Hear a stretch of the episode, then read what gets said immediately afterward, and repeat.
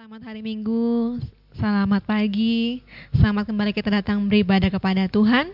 Kita bersyukur untuk pertolongan Tuhan dalam setiap kehidupan kita. Hari ini kita adalah minggu yang keempat, kita beribadah dari rumah masing-masing. Kita terus berdoa supaya keadaan Wonosobo, keadaan bangsa Indonesia kita semakin membaik, sehingga kita bisa kembali beribadah di gereja, eh, memuliakan nama Tuhan bersama-sama. Puji nama Tuhan, kita akan mulaikan ibadah pagi kita hari ini, mari kita siapkan hati kita, kita datang kepada Tuhan dengan segenap hati.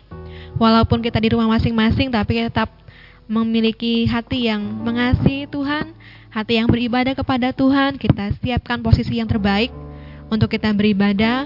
Kita menggunakan uh, yang terbaik, memberikan yang terbaik bagi Tuhan, menaikkan pujian yang terbaik bagi Tuhan. Mari kita berdoa terlebih dahulu sebelum memulai ibadah kita pagi hari ini. Mari kita berdoa. Bapa kami yang ada di surga, kami bersyukur ya Tuhan atas setiap pertolongan Tuhan, penyertaan Tuhan dalam kehidupan kami. Walaupun Tuhan hari ini kami masih diizinkan untuk beribadah di rumah masing-masing, tapi kami percaya Tuhan ada kuasa Tuhan, ada kemurahan Tuhan yang terus mengalir bagi kami. Pagi ini Tuhan kami bawa setiap hati kami, kami mau mengundang Engkau Tuhan hadir di tengah-tengah kami, di tengah-tengah rumah tangga kami, keluarga kami ya Tuhan. Ketika kami beribadah kepada Tuhan, Engkau menyatakan kasih-Mu, rahmat-Mu dalam kehidupan kami. Terlebih dahulu Tuhan, kami minta ampun atas segala dosa dan kesalahan kami. Sucikan dan kuduskan kehidupan kami Bapa, sehingga berkenan di hadirat-Mu ya Tuhan. Pimpinlah ibadah kami dari awal pertengahan sampai akhirnya ya Bapa. Di dalam nama Tuhan Yesus Kristus kami bersyukur dan berdoa. Haleluya, haleluya. Amin. Puji nama Tuhan, kita mau memberikan puji yang terbaik bagi Tuhan. Kita mau serahkan kehidupan kita, kita mau resapi setiap pujian kita. Kita bawa hati kita kepada Tuhan, menyembah kepada Tuhan. Terima kasih Tuhan, terima kasih Bapa. Sungguh kau Tuhan, besar bagi kami Tuhan.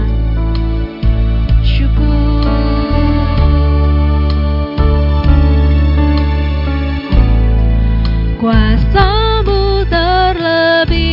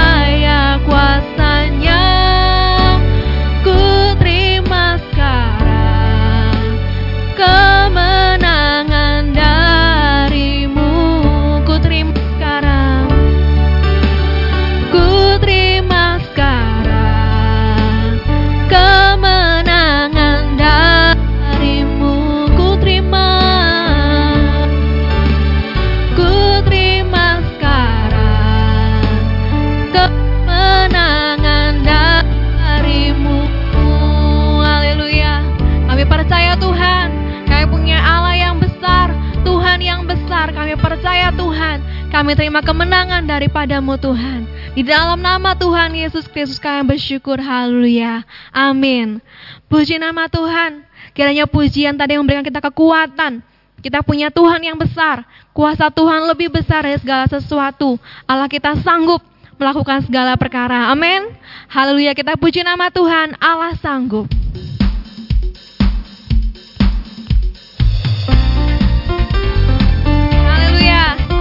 Bapak Ibu boleh bertepuk tangan dari rumah masing-masing. Boleh memuji Tuhan. Bersuka cita bersama-sama di hadirat Tuhan.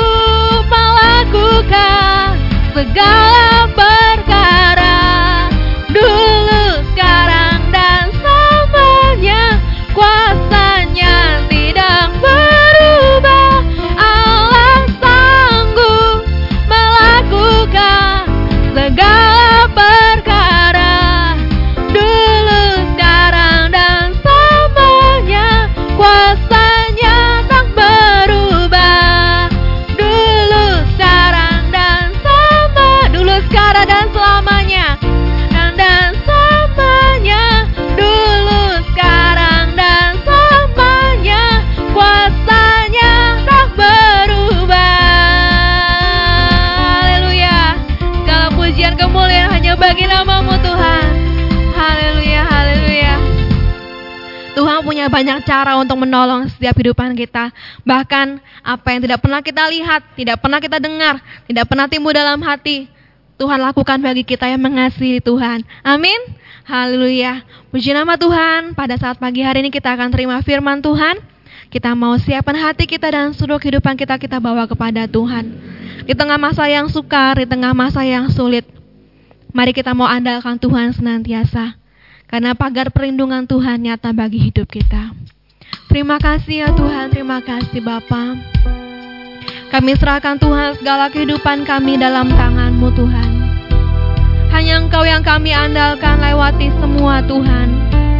Di tengah masa yang sulit, masa yang sukar ini Tuhan. Kami tidak mampu, tidak mengerti Bapa. Tapi kiranya Engkau menuntun langkah kami Tuhan. Berkatnya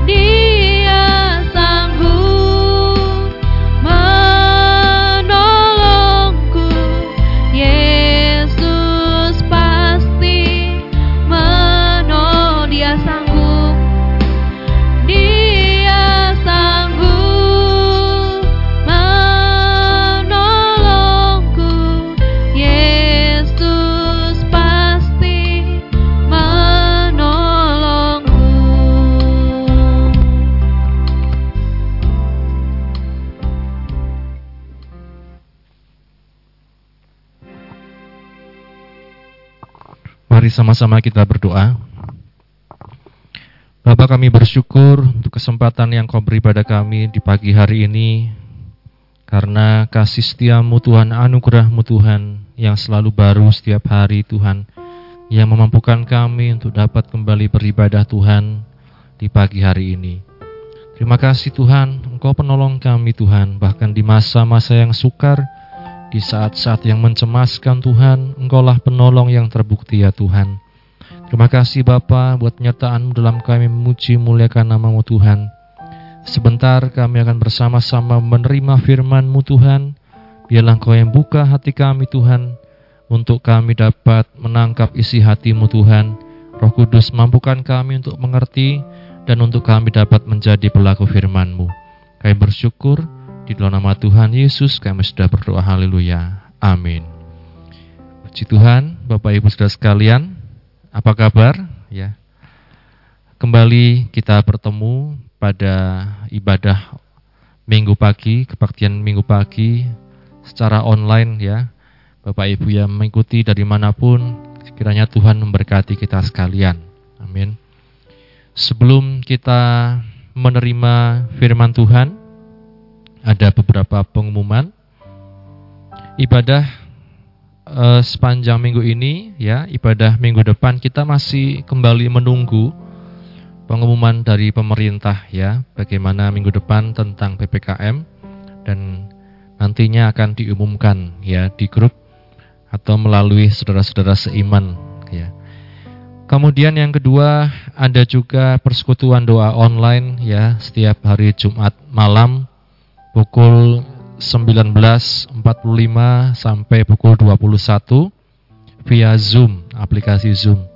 Bagi Bapak Ibu saudara sekalian yang ada kesempatan dan juga kuota yang lega, mari saya ajak kita untuk berdoa, bersaksi, bersekutu bersama-sama dengan saudara seiman ya. Kita bersyukur pada Tuhan juga untuk saudara-saudara seiman kita yang kemarin mungkin masih dalam kondisi yang lemah, kondisi sakit di rumah sakit dan lain-lain. Sekarang sudah mulai membaik ya. Dan juga Ibu Tejo sudah kembali ke rumah, kita bersyukur dan terima kasih atas doa dari Bapak Ibu saudara sekalian ya. Yang ke keempat Bapak Ibu keluarga gembala sidang dan aktivis pelayan Tuhan beserta segenap keluarga besar Gereja Pantai Kosta Gunung Herman Wonosobo mengucapkan turut berduka cita ya atas berpulangnya almarhumah Te Nio atau Tante Ceng ya pada hari Minggu yang lalu di Magelang ya dan sudah dikuburkan di sana. Kiranya Tuhan memberikan penghiburan, kekuatan ya kepada keluarga yang ditinggalkan pada Bapak Yeremiadi, Bapak Tejo Haryanto dan segenap keluarga besar, kiranya Tuhan memberikan penghiburan ya. Demikian pengumuman yang bisa saya sampaikan pada pagi hari ini. Kita akan sama-sama belajar dari firman Tuhan ya. Satu tema yang saya ambil untuk kita sekalian pada pagi hari ini adalah jadikan Tuhan sebagai satu-satunya penolong ya. Jadikan Tuhan sebagai satu-satunya penolong di dalam kehidupan kita. Amin. Seperti lagu tadi Bapak Ibu, kita menghadapi masa yang tidak menentu ya. Kita menghadapi situasi yang bisa mencemaskan ya. Tetapi mari kita mengandalkan Tuhan di dalam kehidupan kita. Siapa yang bisa kita andalkan di saat-saat yang seperti ini? Siapa yang bisa kita harapkan? Kepada siapa kita berharap selain kepada Tuhan sendiri, ya. Satu ayat kita melihat di dalam Mazmur pasal yang ke-46, Bapak Ibu Saudara sekalian. Mazmur pasal yang ke-46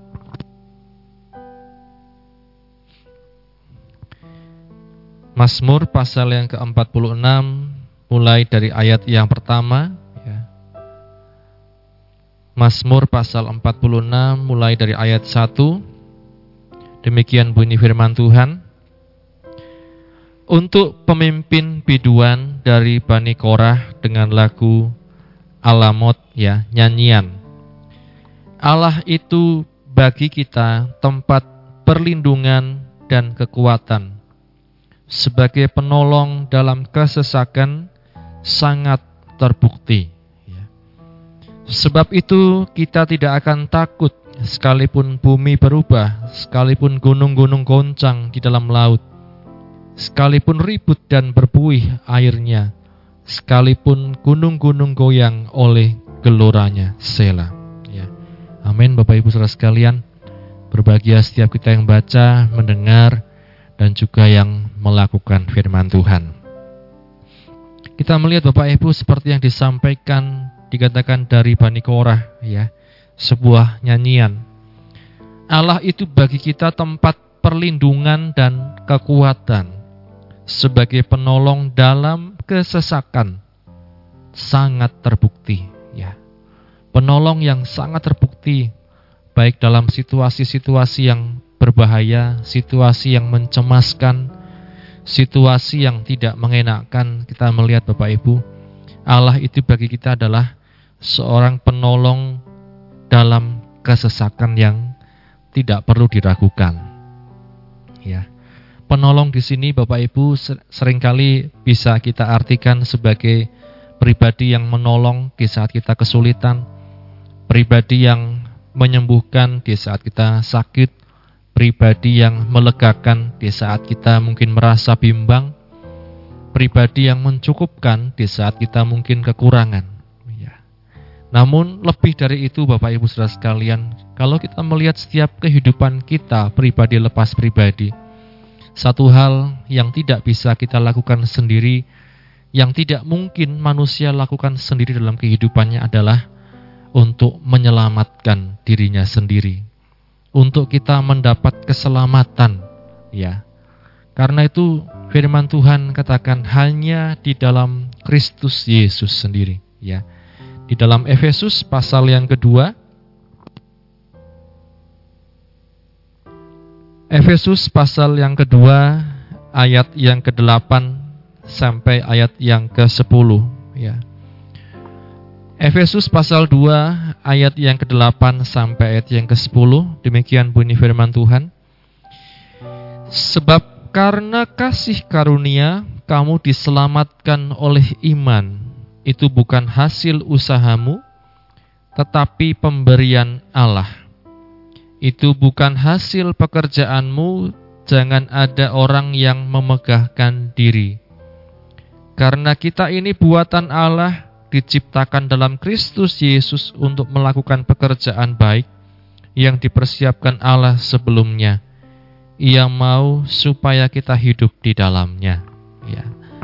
Satu hal yang tidak bisa kita lakukan Bapak Ibu Saudara sekalian adalah untuk menyelamatkan kita diri kita sendiri. Ya. Firman Tuhan katakan dengan jelas, ini juga yang menjadi dasar dari iman Kristiani kita. Bukan oleh kuat gagah kita, bukan oleh hasil usaha kita, tetapi kita diselamatkan karena kasih karunia oleh iman. Ini bukan hasil usaha kita, tetapi pemberian Allah. Ini bukan hasil pekerjaan kita dikatakan jangan ada orang yang memegahkan diri. Ya. Ibaratnya Bapak Ibu dalam satu cerita ada seorang penyelam ya, orang yang sedang berenang di lautan ya. Dia kehabisan oksigen, dia kehabisan napas ya. Dia tidak bisa melakukan apa pun selain hanya berada di lautan itu mengharapkan pertolongan dari orang lain ya Kemudian tibalah ada orang datang, regu penolong datang. Dia yang lemah, dia yang tidak berdaya, yang sudah kehabisan energi, kehabisan nafas, kehabisan oksigen ditolong, diberikan oksigen, diberikan pertolongan. Ya, dia tidak bisa menolong dirinya sendiri. Dia perlu orang lain untuk menolongnya. Inilah Bapak Ibu yang menjadi gambaran Tuhan kita. Ya, Keselamatan di dalam Tuhan tidak bisa kita lakukan sendiri, Bapak Ibu Saudara sekalian. Itu sebabnya jaminan dari keselamatan itu adalah sampai pada satu hidup yang kekal. Ya, sampai pada satu hidup yang kekal. Di masa pandemi ini kita melihat Bapak Ibu seperti yang kita dengarkan dalam kesaksian-kesaksian, seperti yang kita lihat dalam kenyataan-kenyataan hidup Bapak Ibu Saudara sekalian. Ada yang bersyukur puji Tuhan diluputkan dari sakit penyakit ya. Ada yang bersyukur puji Tuhan disembuhkan dari berbagai macam penyakit. Namun di sisi lain kita melihat Bapak Ibu Ada juga yang harus menerima kenyataan keputusan Tuhan, yaitu dia harus kemudian berpulang ya ke pangkuan Bapa di surga. Ya, semua kita melihat Bapak Ibu, kalau kita pikir secara logika manusia, di mana pertolongan Tuhan? Ya, tapi kalau kita melihat dalam ayat-ayat ini Bapak Ibu, pertolongan Tuhan paling utama adalah masalah keselamatan di dalam Kristus Yesus. Masalah kehidupan yang kekal. Ya. Orang Kristen saya katakan di PA Kamis yang kemarin Bapak Ibu, jadi orang Kristen bukan berarti kemudian kita luput, kita lepas ya, kita tidak bisa sakit, ya, kita tidak bisa terkena apa pun. Tapi ada yang Tuhan izinkan terjadi, ya. Bahkan tidak hanya sampai di situ, ada yang diizinkan terjadi sampai kemudian berpulang ke surga. Ya. Apa jaminan kita Bapak Ibu Saudara sekalian ketika menghadapi itu semua? Apa jaminan kita ketika harus menghadapi berbagai macam hal tersebut Bapak Ibu? Hanya satu yaitu pribadi Kristus Yesus, Tuhan Yesus Kristus yang menjadi penolong. Bapak Ibu yang mengalami mungkin isolasi di ruang-ruang isolasi, hanya sendiri, tidak ada yang bisa menemani. Siapa yang bisa menemani? Hanya Kristus Yesus. Bapak Ibu yang mungkin mengalami di ruang ICU sendirian, hanya mendengarkan mungkin detak-detak dari sinyal-sinyal ya, sinyal-sinyal jantung begitu ya. Siapa yang bisa kita harapkan? Siapa yang bisa kita dengarkan di saat itu? Hanya suara Tuhan sendiri ya. Bapak Ibu mungkin yang harus mengalami bagaimana situasi koma ya, tidak bisa merespon, ya tidak bisa melihat, tidak bisa apa bergerak, ya. Tapi bisa mendengar suara siapa yang kita dengar di saat itu. Itulah pribadi Kristus Yesus. Ya, itu sebabnya hanya Yesus yang menjadi jaminan di dalam kehidupan kita. Baik kita hidup, baik kita mati dikatakan itulah kita bersama dengan Kristus Yesus. Maka kita bersyukur pada Tuhan ada satu lagu mengatakan Tuhanlah jaminan di dalam kehidupan kita ya. Kita coba ya. Ku bersyukur padamu Kau Tuhan yang mengasihiku Katakan kau jaminan hidupku. Kaulah jaminan hidupku. Hatimu ada bagiku. Ku bersyukur. Ku bersyukur padamu. Kau Tuhan yang mengasihiku.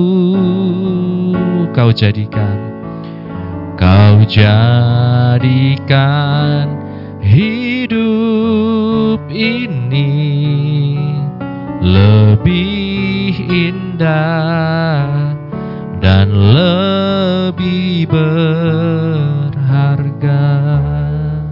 Amin Bapak Ibu Saudara sekalian. Siapa yang bisa menjadi jaminan dalam hidup kita? harta kita, sebanyak apa pun harta kita, kalau kita sudah di satu ruang ICU, tidak ada yang bisa menjamin keselamatan dalam hidup kita. Kenalan kita mungkin, kita punya kenalan orang-orang besar, kita punya kenalan pejabat-pejabat, tapi ketika sudah di ruang ICU, di ruang isolasi, siapa yang bisa membantu kita? Tidak ada, ya. Siapa yang bisa menjamin kita sampai pada satu kehidupan yang kekal? Siapa yang bisa menjamin kita menjemput kita bila mana ajal itu sudah tiba? Hanya pribadi Kristus Yesus sendiri yang menjadi jaminan dalam hidup kita. Ya, itu sebabnya pemazmur katakan sebagai penolong dalam kesesakan sangat terbukti. Bukan hanya di dunia ini saja, tetapi sampai di dunia yang akan datang, sampai kita masuk pada hidup yang kekal. Ada pribadi yang menjamin yaitu Kristus Yesus. Ya. Kita kembali kepada Mazmur pasal yang ke-46 tadi. Ya. Mazmur pasal yang ke-46 dikatakan tadi bahwa di ayat yang pertama dan ayat yang kedua. Untuk pemimpin biduan dari Bani Korah dengan lagu Alamot nyanyian. Allah itu bagi kita tempat perlindungan dan kekuatan. Sebagai penolong dalam kesesakan sangat terbukti. Ayat yang ketiga. Sebab itu kita tidak akan takut sekalipun bumi berubah, sekalipun gunung-gunung goncang di dalam laut. Ya. Artinya apa Bapak Ibu? Perubahan-perubahan yang terjadi di dalam kehidupan kita akan selalu ada perubahan. Ya, akan selalu ada perubahan dalam hidup kita. Satu contoh sederhana Bapak Ibu ketika mungkin ada seorang dari anggota keluarga kita yang berpulang ya akan ada perubahan ya di KK ya misalnya di kartu keluarga di KTP ada yang statusnya harus berubah semua itu dikatakan perubahan demi perubahan yang pasti terjadi di dalam kehidupan kita ya. Nah, ini Bapak Ibu Saudara sekalian, kita melihat perubahan-perubahan ini juga yang terjadi di alam yang dikatakan oleh pemazmur sekalipun bumi berubah, gunung-gunung goncang di dalam laut, dikatakan Tuhan ini memberikan satu kepastian, memberikan jaminan akan adanya penolong yang sangat terbukti. Itulah pribadi Tuhan sendiri. Ya. Nah, karena Bapak Ibu Saudara sekalian, ketika kita melihat berbagai macam hal berubah dalam hidup ini, ya, seperti yang pernah saya katakan, mari kita terus berpegang pada firman Tuhan yang tidak berubah. Kalau ada yang terus berubah dalam hidup ini, mata uang terus berubah, nilai rupiah terus berubah, ya, harga-harga terus berubah, ya. Bahkan orang-orang ya bisa berubah, ya. Tapi mari kita tetap berpegang pada apa yang tidak berubah, yaitu pribadi Kristus sendiri. Ya, di dalam Ibrani kita melihat Bapak Ibu Saudara sekalian,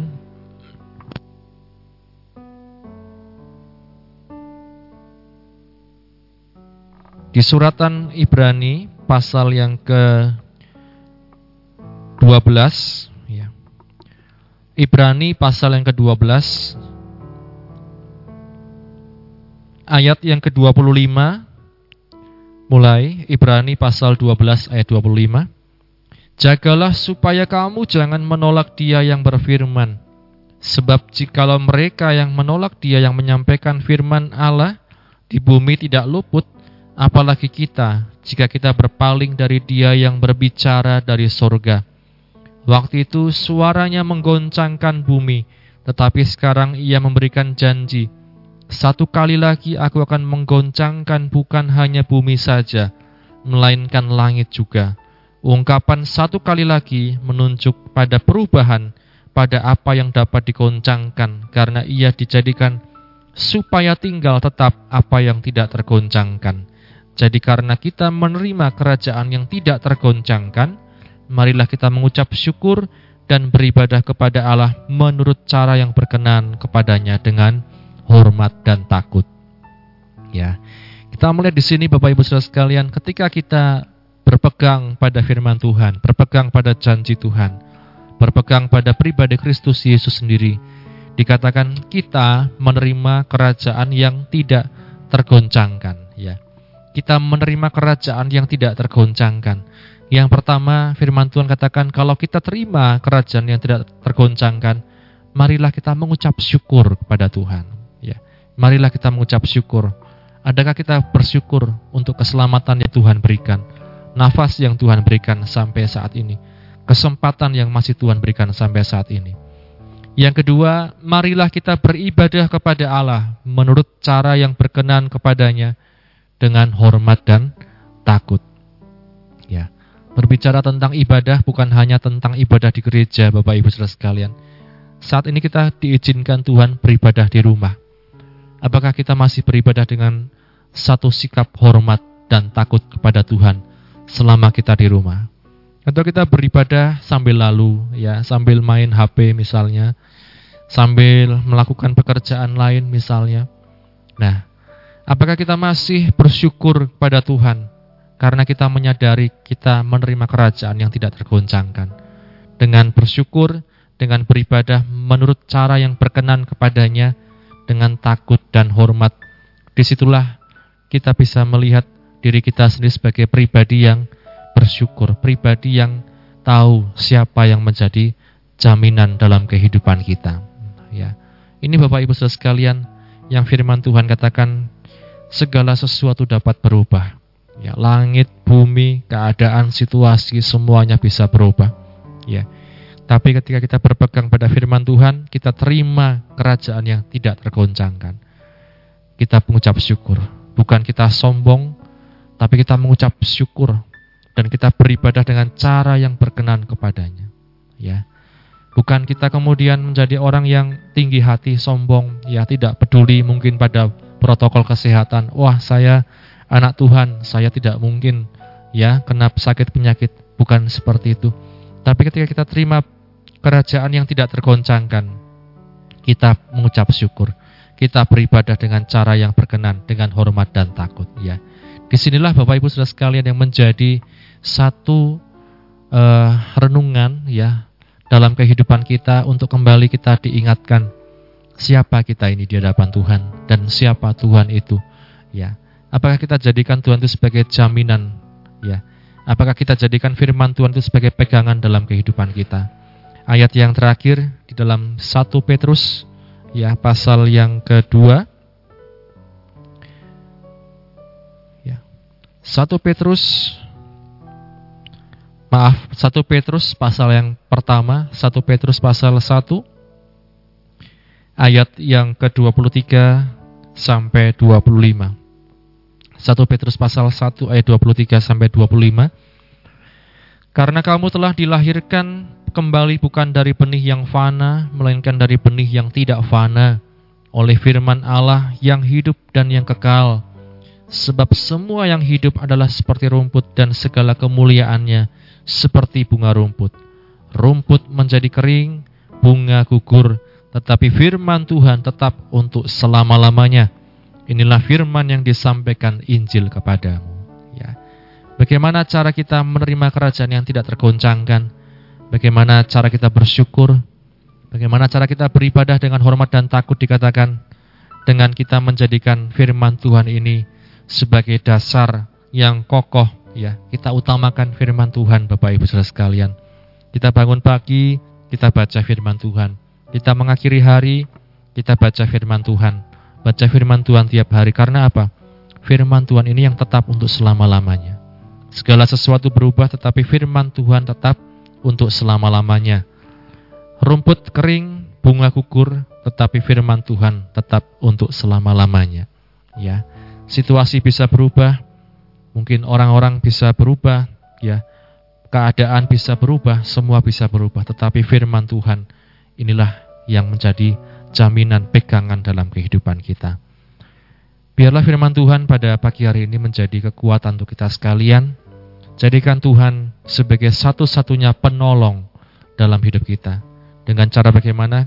Dengan cara kita tetap bersyukur, beribadah dengan hormat dan takut kepada Tuhan, dan jadikan firman Tuhan ini sebagai yang terutama dalam kehidupan kita. Amin.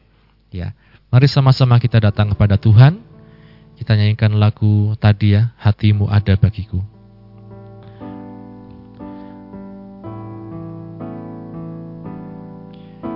Lebih dari yang telah ku pinta Lebih dari yang telah ku pikirkan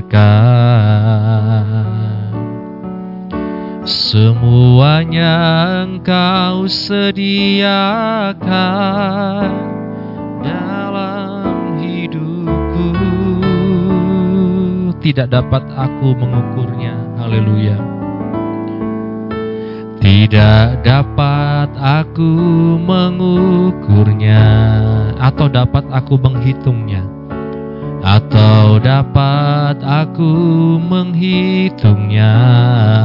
Kebesaran kasih kebesaran kasihmu ya Tuhan yang kau berikan.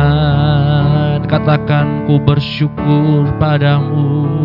Haleluya.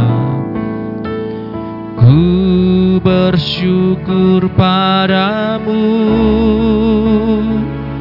Kau Tuhan yang mengasihiku. Kaulah jaminan hidupku. Hatimu ada bagiku. Ku bersyukur. Ku bersyukur padamu. Kau Tuhan yang mengasihiku. Kau jadikan hidup ini lebih indah dan lebih berharga. Dari awal kita nyanyikan lagu ini. Haleluya. Lebih dari yang telah ku pinta. Lebih dari yang telah ku pikirkan. Semuanya engkau sediakan dalam hidupku. Tidak dapat aku mengukurnya, haleluya. Tidak dapat atau dapat aku menghitungnya. Atau dapat aku menghitungnya. Kebesaran kasihmu kebesaran kasihmu ya Tuhan yang kau berikan ku bersyukur. Ku bersyukur padamu. Kau Tuhan yang mengasihiku Kaulah jaminan hidupku. Hatimu ada bagiku. Ku bersyukur padamu. Kau Tuhan yang mengasihiku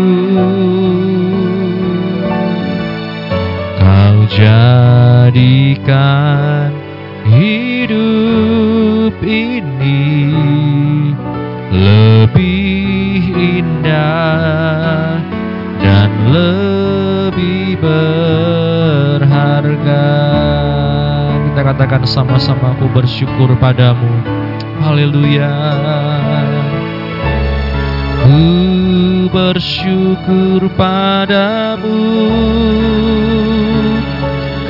Tuhan yang mengasihiku.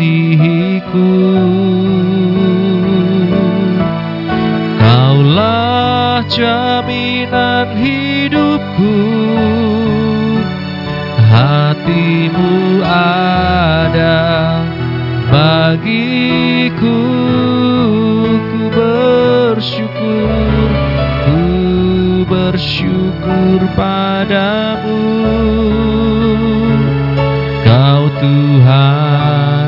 yang mengasihiku.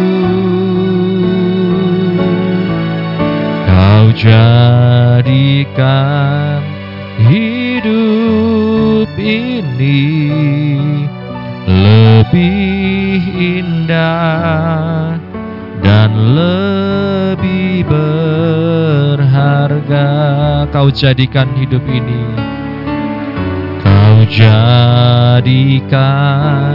hidup ini lebih indah dan lebih berharga.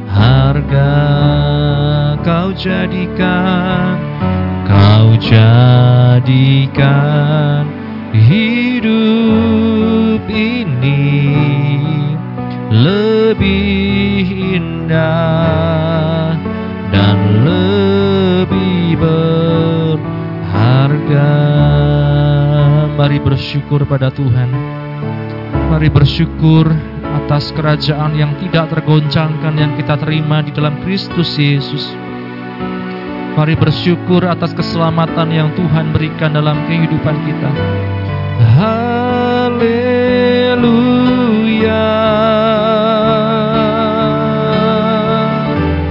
Engkau sungguh baik.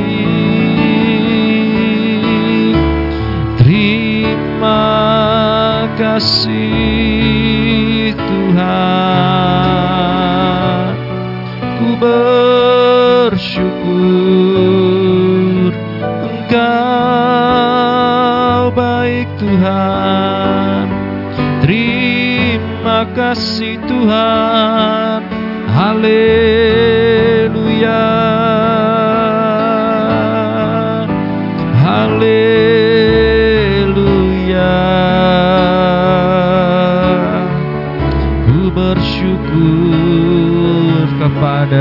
Tuhan. Terima kasih Tuhan. Syukur ya Ramas, ya Ramas. Terima kasih Bapa. Syukur Yesus Tuhan. Haleluya Yesus. Terima kasih Yesus.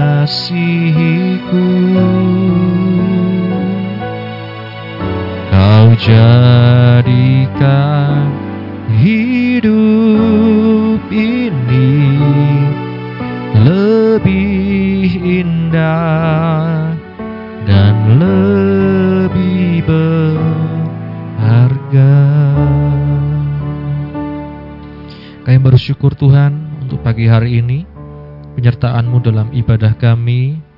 Engkau telah menyertai dari awal Tuhan hingga pertengahan dan sampai pada akhirnya Tuhan. Dan saat ini kami akan menaikkan doa permohonan kami Tuhan.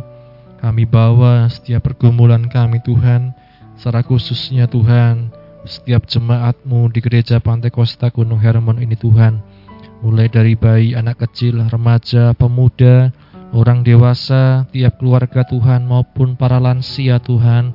Engkau yang mengetahui setiap pergumulan kami, mereka yang sakit Tuhan, Engkau yang sembuhkan, mereka yang lemah Engkau kuatkan Tuhan, mereka yang susah Engkau hiburkan Tuhan, mereka yang sedang mengalami permasalahan Engkau berikan jalan keluar ya Tuhan. Mereka yang bergumul juga Tuhan, untuk pekerjaan Tuhan Engkau berikan pekerjaan yang tepat Tuhan daripadamu Tuhan. Mereka yang menantikan jodoh pasangan hidup Tuhan, Kau yang pertemukan dengan pasangan hidup yang tepat yang daripadamu Tuhan. Dan tiap pergumulan-pergumulan lain Tuhan, kami serahkan dalam tangan-Mu ya Tuhan. Engkau yang menolong Bapa. Kami bersyukur ya Bapa, kami juga berdoa untuk keluarga pastori di tempat ini, Ibu Gembala, beserta setiap keluarga Tuhan, di mana pun berada Tuhan. Engkau yang selalu memberikan kekuatan, kesehatan, damai, sejahtera, sukacita yang daripadamu ya Tuhan. Engkau yang berkati dan biarlah pengurapan-Mu Tuhan selalu menyertai keluarga dari hamba-Mu ya Tuhan. Terima kasih Bapa, kami serahkan juga Tuhan setiap Tuhan anak-anakmu ya Bapa dalam pergumulan mereka masing-masing, hamba-hambamu di seluruh muka bumi ini Tuhan, dalam pergumulan mereka masing-masing Tuhan, mereka mengalami intimidasi, ancaman, penganiayaan oleh karena namamu Tuhan. Kiranya Engkau yang menguatkan setiap kehidupan mereka, sehingga mereka tetap bertahan sampai pada garis akhir ya Tuhan, mempertahankan Tuhan iman percaya mereka kepadamu ya Yesus. Terima kasih Bapak, terima kasih. Kami juga menyerahkan Tuhan organisasi gereja Pantai Kosta ini dalam tanganmu Tuhan, mulai dari pimpinan pusat, pimpinan daerah, pimpinan wilayah, pimpinan jemaat, setiap warga jemaat di mana pun berada Tuhan, Engkau yang berikan kekuatan yang, yang daripadamu Tuhan, memberkati dan menguatkan setiap anak-anakmu ya Bapa. Rencana musyawarah nasional tahun depan juga Engkau yang tolong Tuhan, biarlah semuanya dapat berjalan dengan baik Tuhan. Terima kasih Bapak, kami juga menyerahkan Tuhan pemerintah kami Tuhan dari tingkat pusat sampai daerah-daerah sampai di Wonosobo ini Tuhan dari kecamatan, kelurahan, RW, RT semuanya Tuhan. Engkau yang berikan hikmat kebijaksanaan Tuhan untuk mereka bertindak dengan baik Tuhan sesuai dengan apa yang ada Tuhan untuk menolong Tuhan pemulihan dari pandemi ini Tuhan. Terima kasih Bapak, terima kasih. Kami juga menyerahkan Tuhan setiap kehidupan Tuhan, anak-anakmu Tuhan, pribadi lepas pribadi Tuhan, setiap kami Tuhan, dalam setiap perencanaan kami Tuhan, seminggu ini Tuhan, Engkau yang mendahului Tuhan, apa pun yang kami rencanakan, yang kami pikirkan Tuhan, biarlah itu Tuhan kami selaraskan dengan firman-Mu Tuhan, dan biarlah kami Tuhan terus berpegang padamu, berharap kepadamu ya Tuhan dalam apa pun yang terjadi Bapa. Terima kasih Bapak, terima kasih. Dan akhirnya Tuhan, Bila kami akan tutup Tuhan ibadah kami pada pagi hari ini Tuhan, biarlah damai-Mu Tuhan, sukacitamu Tuhan, dan berkat-berkat-Mu Tuhan selalu menyertai kehidupan kami Bapa. Memberkati para pelayan-Mu Tuhan yang sudah melayani Tuhan di pagi hari ini Tuhan, dan memberkati setiap kami yang mengikuti ibadah ini dari mana pun berada. Kami bersyukur Bapa, akhirnya kami tutup ibadah kami, dalam nama Tuhan Yesus kami berdoa. Tuhan memberkati engkau dan melindungi engkau. Tuhan menyinari engkau dengan wajahnya dan memberi engkau kasih karunia. Tuhan menghadapkan wajahnya kepadamu dan memberi engkau damai sejahtera. Doa ini kami naikkan di dalam nama Tuhan Yesus Kristus, mempelai pria surga. Haleluya, haleluya. Oh Yesus mempelaiku Terima kasih buat penyertaanmu Oh Yesus mempelaiku Terima kasih buat keselamatan yang kau beri Oh Yesus mempelaiku Terima kasih buat pembelaan dan pemeliharaanmu. Haleluya. Haleluya. Puji Tuhan. Amin. Ibadah selesai. Tuhan Yesus memberkati. Amin.